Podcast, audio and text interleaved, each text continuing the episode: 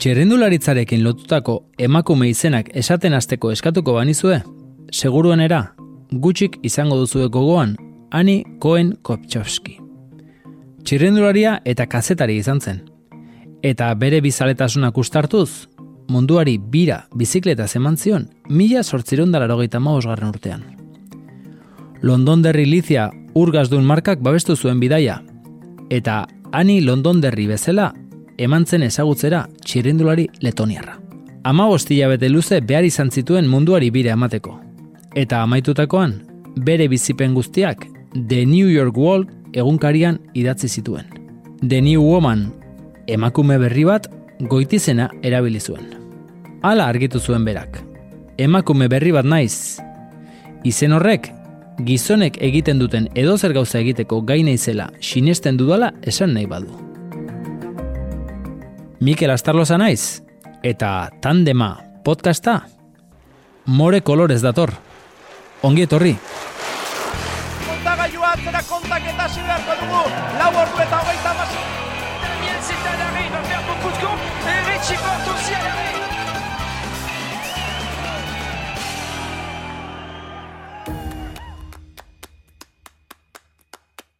Ani Londonderri eta beste emakume ezagun askok zabaldutako bideak jorratuz, lortu du emakumezkoen txilolaritzak gaur egun gizonezkoen gana asko gerturatzea. Zoritxarrez, oraindik ere ez daude pare parean, baina pentsa dezagun gero eta gutxiago geratzen dela hori lortzeko. Ainoa Ostolaza txirulari hoiak ere gauza bera pentsatuko te du. Ongi etorri Ainoa, Haupa, zer diozu? Oraindik ere alde handia dago. Bai, bai, ari gea jorratzen bidea pixkanaka, baina oraindikan bide luzea daukagu. Hobetzeko, eh, batez ere, hobetzeko. Azteko egoera baten aurrean jarriko zaitut. Irudikatu zure burua, itzule handi batean, turra adibidez. Errepide bazterrean. Halako batean pelotoia pasada. Gizonezkoen pelotoia. Ze pentsatuko zenuke? Wow, ba, berdin egin nahiko nukela, ez? Azkenean gustoko dudan gauza bat, baina gure erara, ez? Emakume bezala, bere formatoan. Eta bigarren egoera inoa, irudikatu zure burua, itzule handi batean, turra adibidez, errepide bazterrean, eta halako batean, pelotoia pasada, emakumezkoen pelotoia. Zer datorkizu burura? Wow, ba, noraino iristen ari geran, ez? Azkenean, nik nere burua bere garaian hor ikustea izugarria zan, eta gaur lortzen ari da, ez? Emakume gisa, ba, gero eta maila handiagoa eta berdintasun gehiago dugula, ez? Pixkanaka. Ainoa, txirrindulari hoia zara eta gaur egun txirrindularitzara oso lotuta jarraitzen duena, badakizu nere gaztaroan ezagutu nuen lehenengo emakumezko txirrindularia zuzarela? Bai, pistan konzidetzen genulako, ez? Pixkat, bai, bai. Hori da. Ba. Luis Puig belodromoan eh, Valentzia. Valentzian, eta nik oroitzapena daukat gainera mutila asko geundelan Euskal Selekzioan, eta neskak berriz ez zinetela inbeste, ala? Baina eske ikuitu duzu hain belodromoa, hori ja nik uste dela beste gai bat eta emakumeen beste etapa bat, ez? Hor nik bizitu nuen, ba, neske karreterakoekin dozen erdi baten gogixiokin nola antolatzen zian Barcelona 92ako eta guk pista aldetikan, ba nintzen ni bakarrik edo Nuria Florencio. Eta orduan, e, bizimodua eta bizitzeko entrenamentuak eta dena oso desberdina zan, bakardade handia. Emakume bezala ez geunden dena mutilak, ez? Esatezun bezala. Oso emakume gutxi eta emakumea ginana, bueno, ba, mari mutilak eta bueno, ze hitz gehiago esan ditazkedan pila bat, ez? Baina bai, hor- ez zan ikusten emakumearena oso zaila zan garai hartan pistan ere ikustea, ez? Behar bada. Eta nik, ba, buruz buru sartu nitzan belodroma nire izateko konstituzioa eta denangatik eta bai bi aurkitu nun ez bakardade hori baino era berean egiten nuen gustokoena ordun ez nion diferentzia hondirik aurkitzen ez baino bai bakarrik bakarrik bestela nuriakin gutxi ginean oso neska gutxi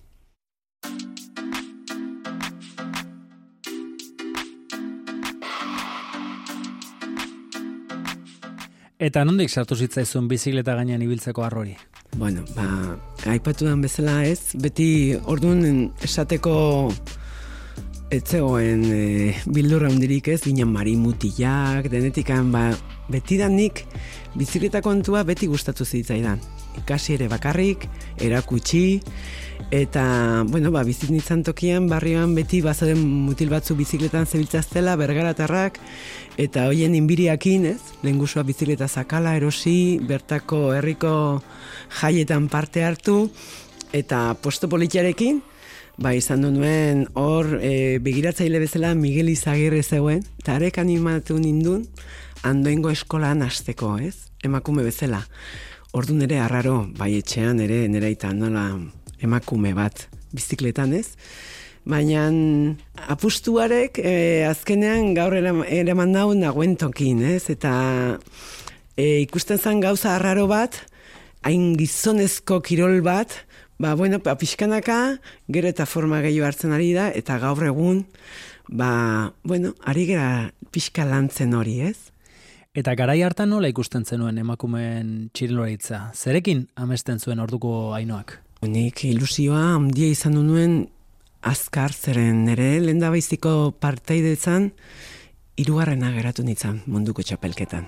Ama urtekin selezio etorri izan donostiko belodromoa entrenatzera, eta ni antxe bueltak adin itzala, ba, denbora kartutan nera mari esken zioten mundialera juteko. Eta nola jungo naiz, ba, ama urtekin, eta ez tegite esaten, entzi jazu, kame bat Espainia melilla. Euskadi bezala, lehen aldiz, etxetik ateratzen zehala, eta orduan, ba, karreteran, emakume mordoska, Euskadik, gure garaian izan ditugu, bueno, zu badakizu, estatu mailan ba, oso nivel polita, ez? Eta handik lotu nezakela Madrid eta Moskun zala mundiala eta bueno, nire amak apustu dintzuen. Nire ama izan zan hor pixka bat nire laguntzairea denako ez, nire aitak hasiran eh, arraro ikusten zuen hori ez, nire ama zan pixka bat eramaten dinuna eh, eskolara bizikletakin, eta hor naukan lagun txiki bat ez.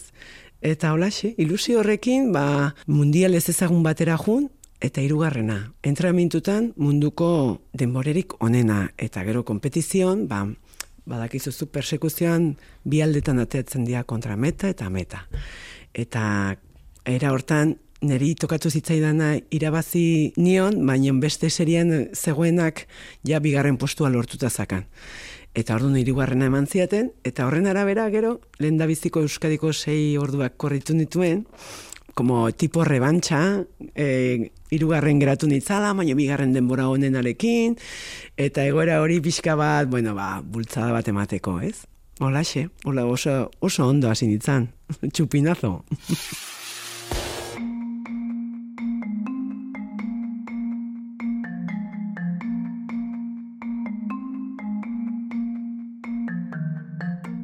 Pentsatzen dut, zure bilbidean zehar, ba, gizonezkoen txirindularitzarekin askotan konparatuko zizuela, honeako eta txarreako, ez da?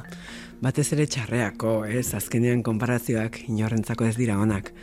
Baina konparaketa horietan, azkenean beti izan dugu argi desberdintasuna ezin gerala fisikoki eta indarrekin eta pistan adibidez arlo hori asko asko ikusten da eta er, ikusten da antzematen da baita ba emakume batek bestera batea dela azken fina.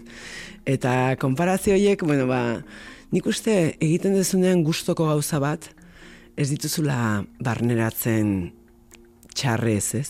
Azkenean onartzen duzu eta nola ondo nabilen, nire lorpena lortzeitut, ba, aurrera, ez?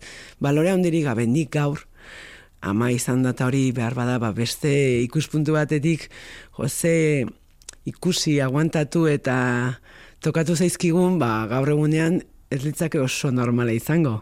Baina gara hartan, esate dizut, urteak, e, gaztetasunak, aguantatzen dezu eta aurrera tiratzen dezu edo zer egoeretan, ez, arrarotan.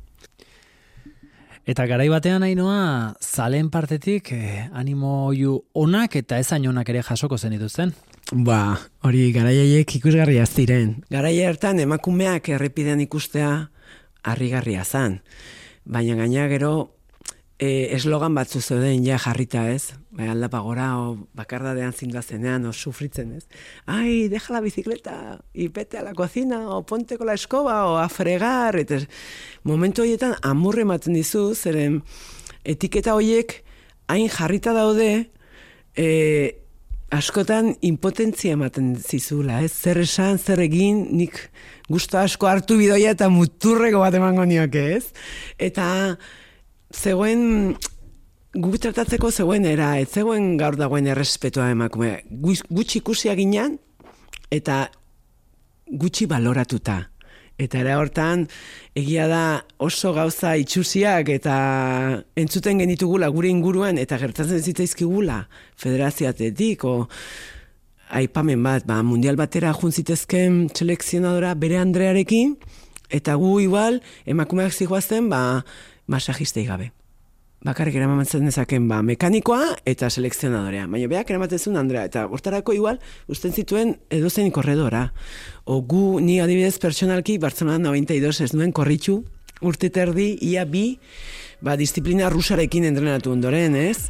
Eta behonde jola, azkenean bizitzerako balio izan dut, baina izan zan, amasei, amazazpi urtekin, Barcelona 92eko objetiboakin, e, disiplina bat, ba, Aino artela zabalek eta hauek kontatzen duten bezala ez, dakazu kaja bat dozen erdiko arraltzena, eta ruso entzako zan, zuzinean, ba, arraltzua bezala ez, hartu, bota paretara, eta bertan, osorik atzatzen zian, zea, oizian kirolari honak. Orduan, limite hortaraino eramaten gintuzten entrenamentuak, eta zuzinean numero bat, azkenean egunetik egunera irazten zuna, hortzagoen goian, eta bestela ez, ez?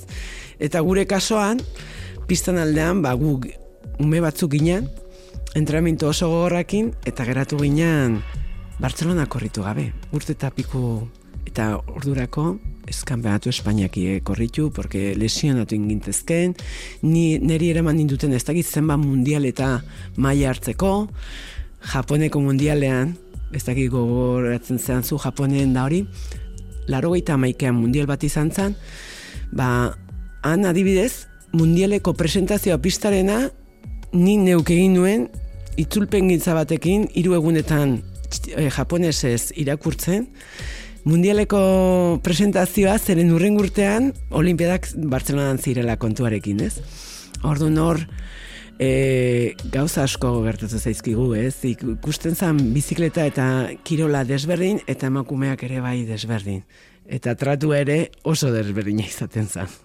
Eta askotan eh, esango nuke, ba, ikusgarritasun falta izugarria izan duela emakumezko antxinolaritzak, ez? E, beti gizonezkoak ikusi izan ditugu, edo irakurri izan dugu horren inguruan, neskak berriz? Zuena izan du da mundu hau, ez? Zu hasi egiten, mila sortzireun da pikun. Munduko huelta, kazetaria, ziklista, danak. Baina nik uste orain, orain berdintasunaren aukera honekin orain ari gerala pixka bat, pauso batzuk aurrera ematen eta helburu batzuk lortzen, baina oso zaila. Zuena izan dudan mundu hau eta hori hori kentzea gure tokia lortzea kostatzen ari da, baina unik uste ari gerala. Ari gera. Eta inoiz sentitu ez bainoa, e, nolabait ere, gizonezkoen txiloraitzak duen ikusgarritasuna adina emateko gaizare dela justifikatu behar izana, emakume bezala? Nik uste denetik pixka, baina sare sozialak eta internet eta egoera honek guri asko lagundu digu.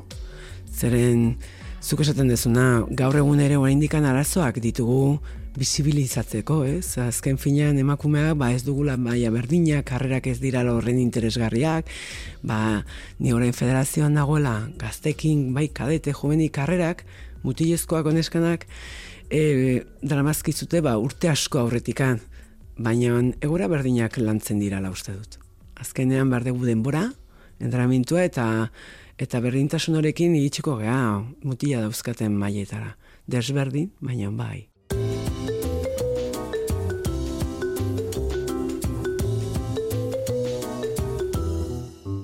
Emakumezkoen txireloaitzaren historiaren albuna zabaldu ezagun ainoa. Ani London derri aipatu dugu hasieran, baina emakumezko protagonista haundi asko daude argazki album berezi honetan.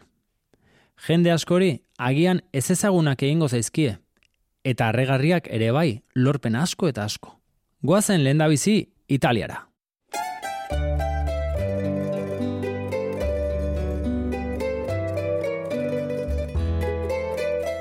Alfonsa Rosa Maria Morini, izan zen lehiaketei dagokione zaitzindaria.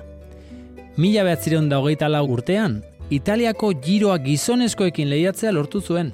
Alfonsina Estrada izengoitiarekin, gizonezkoekin lehiatuta hogeita amasei lasterketa irabaztea lortu zituen.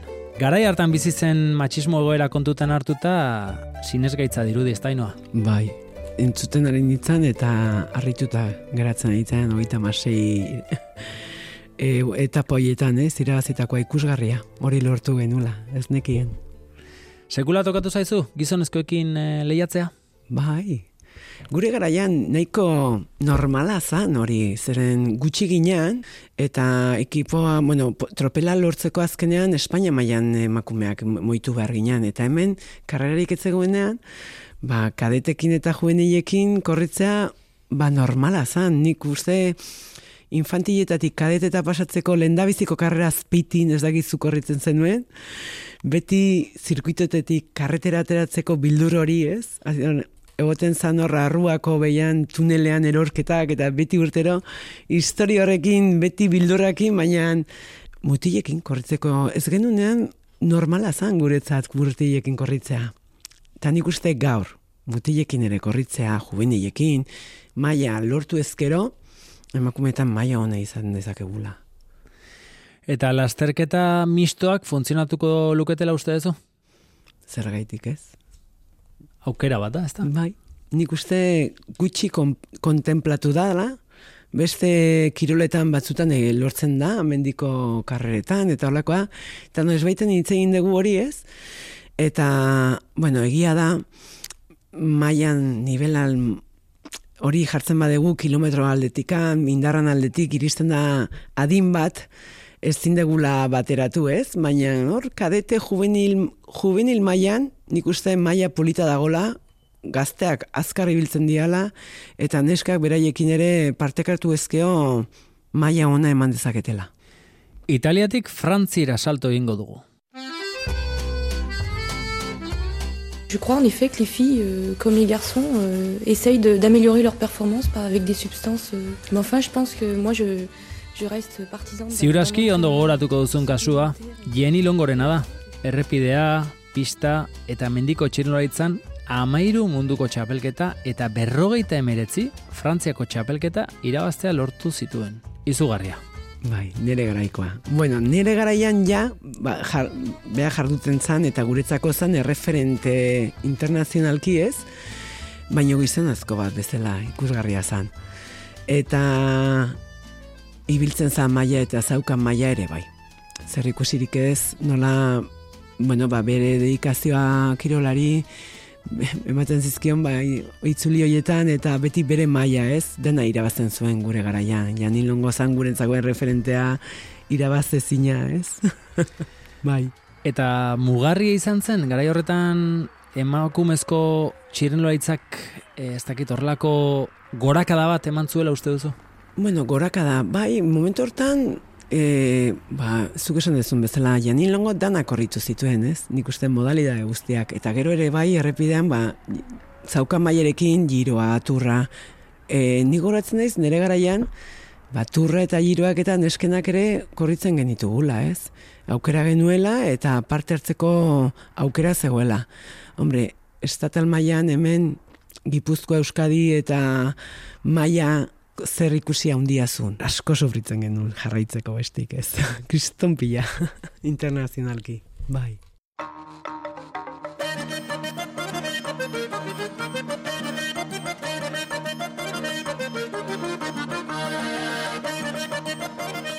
Gatozen gurera. Zalantzari gabe, izki handiz, Joane Somarriba aipatu berren gaude. Bi giro eta hiru tur irabazi zituen. Ainoa, Indurainen ondoren palmaresik handien alortu duen Euskal Txirrendulari izan zen joan esomarriba. Baina toki bera eman altzaio. Zer zentxazio dukazu? Ba, ez dut uste. E, argi dugu orain ere turra prestatzen ari dira aurten hemen ateratzeko. Eta e, ikusita dakagun erreferente handinetako bat Euskalduna joan esomarriba dakagula. Ez dakit nola ditze zaio, turran, embajadore bezala Samuel Sánchez jartzen digute. Ba, nikor ba, zer esana ondi egingo nuke ez. Zeren historikoki, zuk esan duzu, indurain ondoren, joane. Eta Euskal Mailan gero de abrandakagu mainan, zergaitik ez eman aukera joan eri. Hortxe, referente hori, ez, hainbeste urtetan lortutakoa ez, tal, ez zala erresa, hemen estado mailan ez zegoen horrela lortzerik, hemendik kanpora jun, beste ekipota oidanak lortu, eta hainbeste urtetan ez zaio ez dakit eman bere balorea, ez? Eta oraindik ere kostatzen ari da, eh? Kostatzen ari da. Argi dago, ba, alderdi ezberdinetatik esfortzu handia egiten e, ari garela, baina federaziotik e, bereziki ba, ba, segulako indarra e, ari zarete egiten, ez da emakumezko entxilunaritza bultzatzeko? Bueno, ni orain ja demora txiki badara makit, baina ja zentratuta aurtengo urtea, ba, pixka bat lan du, beraientzako lan egitea, ez, emakumei aktibidadea jarri, sortu, topaketak, beraiekin irtera batzutan, orain ari naiz lotzenea badaukadan aukera, zeren askotan ez da zuk nahi dezula, en baita karrerak koinziditu inbar dute libre egotea, juteko aukera, eta hori lantzea eta hori sortzea gaztekin, helduekin eta guretzako lan polite egitea, ostras, nik ez diot lana deitzen. Esaten niretzako gustagarria da ikastea eta urtetik urtera hau hobeto egitea, ez? Eta zertan jarri da zuen indargunea? Zer izate garrantzia ematen? Ba, bueno, alde batetik kadete eta juvenilak oso neska gero eta gehiago datozten maia politiarekin eta ikuspuntua ez gurea, beraiek ja ikusten dute, ba, erreferente bezala neska asko dazkate eta iritsi daitezkela profesionalizatea, ez? Gure garaian guk ez genuen ikuspuntu hori. Eta kadete eta juvenilioiek landu, gero ekipo kontinental o World Tour hoietako batera iristeko eta maila horrekin, ez? Eskola federazio bezala, ba, esan dizuana, topaketak eta landu eta bereientzako inoiz ez danean horrelako inoiz ez da hitza, ez? Egin izan du dia konzentrazioak eta lanak, baina aukera eukitzea hori lantzea oso polita da. Eta hortan, hori ikasten, lantzen eta alduana egiten.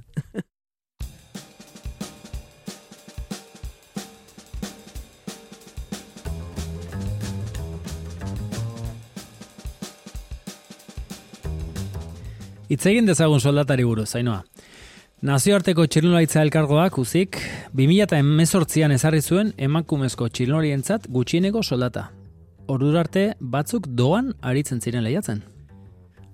Nik uste hoa indikan ere bai, eh?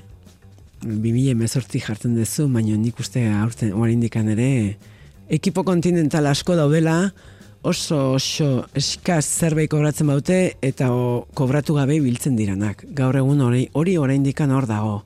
Eta minimoak eta kontratuak badijo azte pixkanaka, baina desberdintasun e, dirutzan aldetikan ezin da ez da ipatu ere egin, ez da desberdintasun dagoen.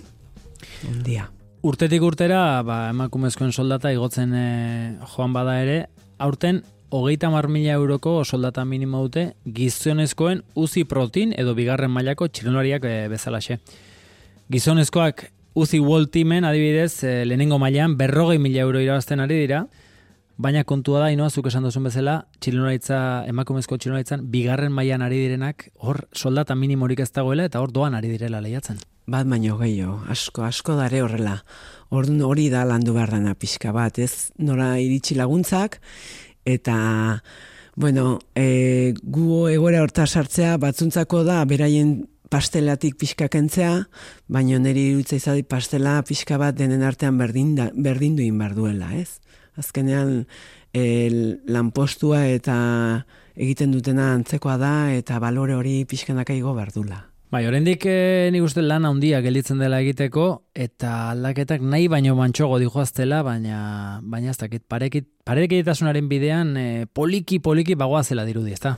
Bai, pauso politak egiten nahi dia. Euki dugu Espainiako itzulia pixka bat atera dela erreferente bezala besteetatik, ez, lehen biziko aldia zazpigunekoa, Euskal Itzulia munduko korredoreik onenetakoekin, eta aukera hemen beraiekin parte hartzeko, ez, karrerak ikusteko zen nivel nola korritzen dan, ze sensazion, zenbat entrenatu behar dan, eta hori soldatak eta gauzoiek danak berdintzen dijoazten modura, aukera izango da entrenatzeko, eta berdintasun hori bai bizikletan, eta bai emakume bezala kirolean edukitzeko, ez.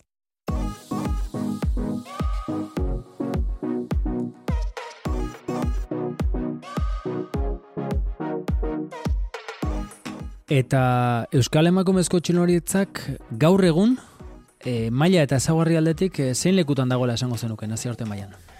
Wow, nik aurten zurekin Euskal Itzuli ikusi dut gizonezkoena, eta horri esan dut, bueno, Euskaltel, Caja Rural, Ken Farmat, ez, dauzkaten maila, pixka bat ikusita golturekin eta beraien arteko ziklistekin da, dakaten diferentzia, ba hemen, ba, nik uste berdin, berdintasun badagoela, ez?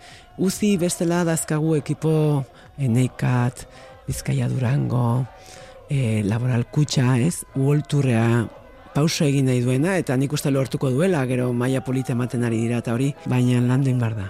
Eta etorkizuna nola dator? Emakumezko entxiloaitza bermatuta dago? Nola dator gazteak, gero eta emakume gehiago datuzte, beraiek gazteak beste ikuspuntu badute, beste era bate ikusten gaituzte, eta beste era bate ikusten dute berdintasuna eta kirola. Eta nik uste, e, ba, neska potenteak badatu ez dela, badazkate referenteak, gurasoak, aitak, ziklistak izan dakoak, oamak, eta perspektiba profesionala ikusten dutela. Nik hortan, ba, pixkanaka balore hori eman, ez?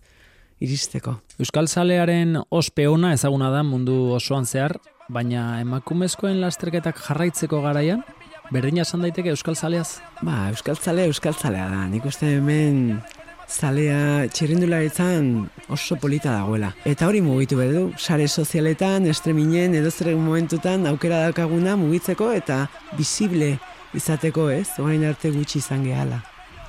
Animo jo hoiek ez daukate presiorik ez dainoa. Ez. Horrek bai indarbirtzen duela norbera. Dudari gabe, zu badakizu bai ondo, eh? Azkeneko urteetan ez aldainoa aurrera pauso handia eman jarraipenean komunikabideak eh, esango nuke, ba, ba, jarraipen gehiago egiten diotela emakumezko txinolaitzari ez da? Bai, lehen esan dezun bezala, lehen ez ginen bisilbe, baina gaur sare sozialeak, streaming eta gure arteko komunikazioarekin ikuste bizibilidade hori ondiago izaten ari dala, eta hor indar pixkat hartzen ari gara uste dut, era ontara. Zeren nahi, orain arte, ate asko izten ziren azkenean. Ez genuen aukera e, itzuli bat bota retransmititzeko mutinen erara, oain ere kostatzen da, eh? Baina, bizibilidade hori alde hortatik guretzako ona izan du da, parte hartzeko eta jendeak ikusi dezan, ez?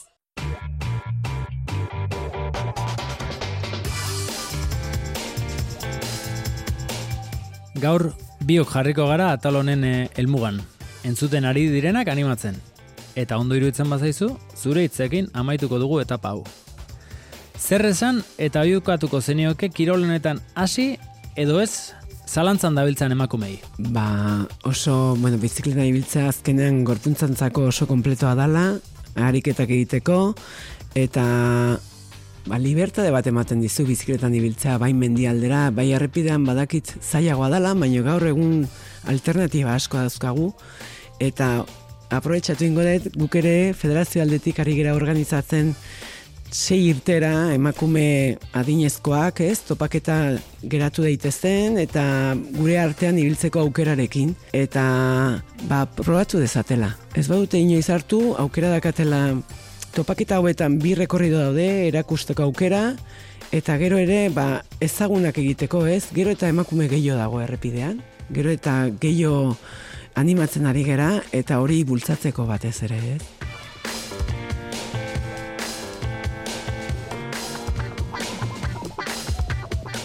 Eta zaleitz esango zenik, eh? Ba asko animatzeko. Hemen, e, beraien berotasuna eta nabarmentzen dala eta ateratzeko errepidera animatzeko asko emakumeri e, ikusiko dituztela kirolari oso oso onak eta oso kirol sufri, sufritua dela eta ondoan dauden jendea bultza oiuka eta hori basko animatzen duela edo zein momentutan ez? Bertakoakin eta animo handi ematen dula eta ateratzeko errepidera animatzea Ainoa Ostolaza, behon deizula eta mila esker. Zuri, Mikel.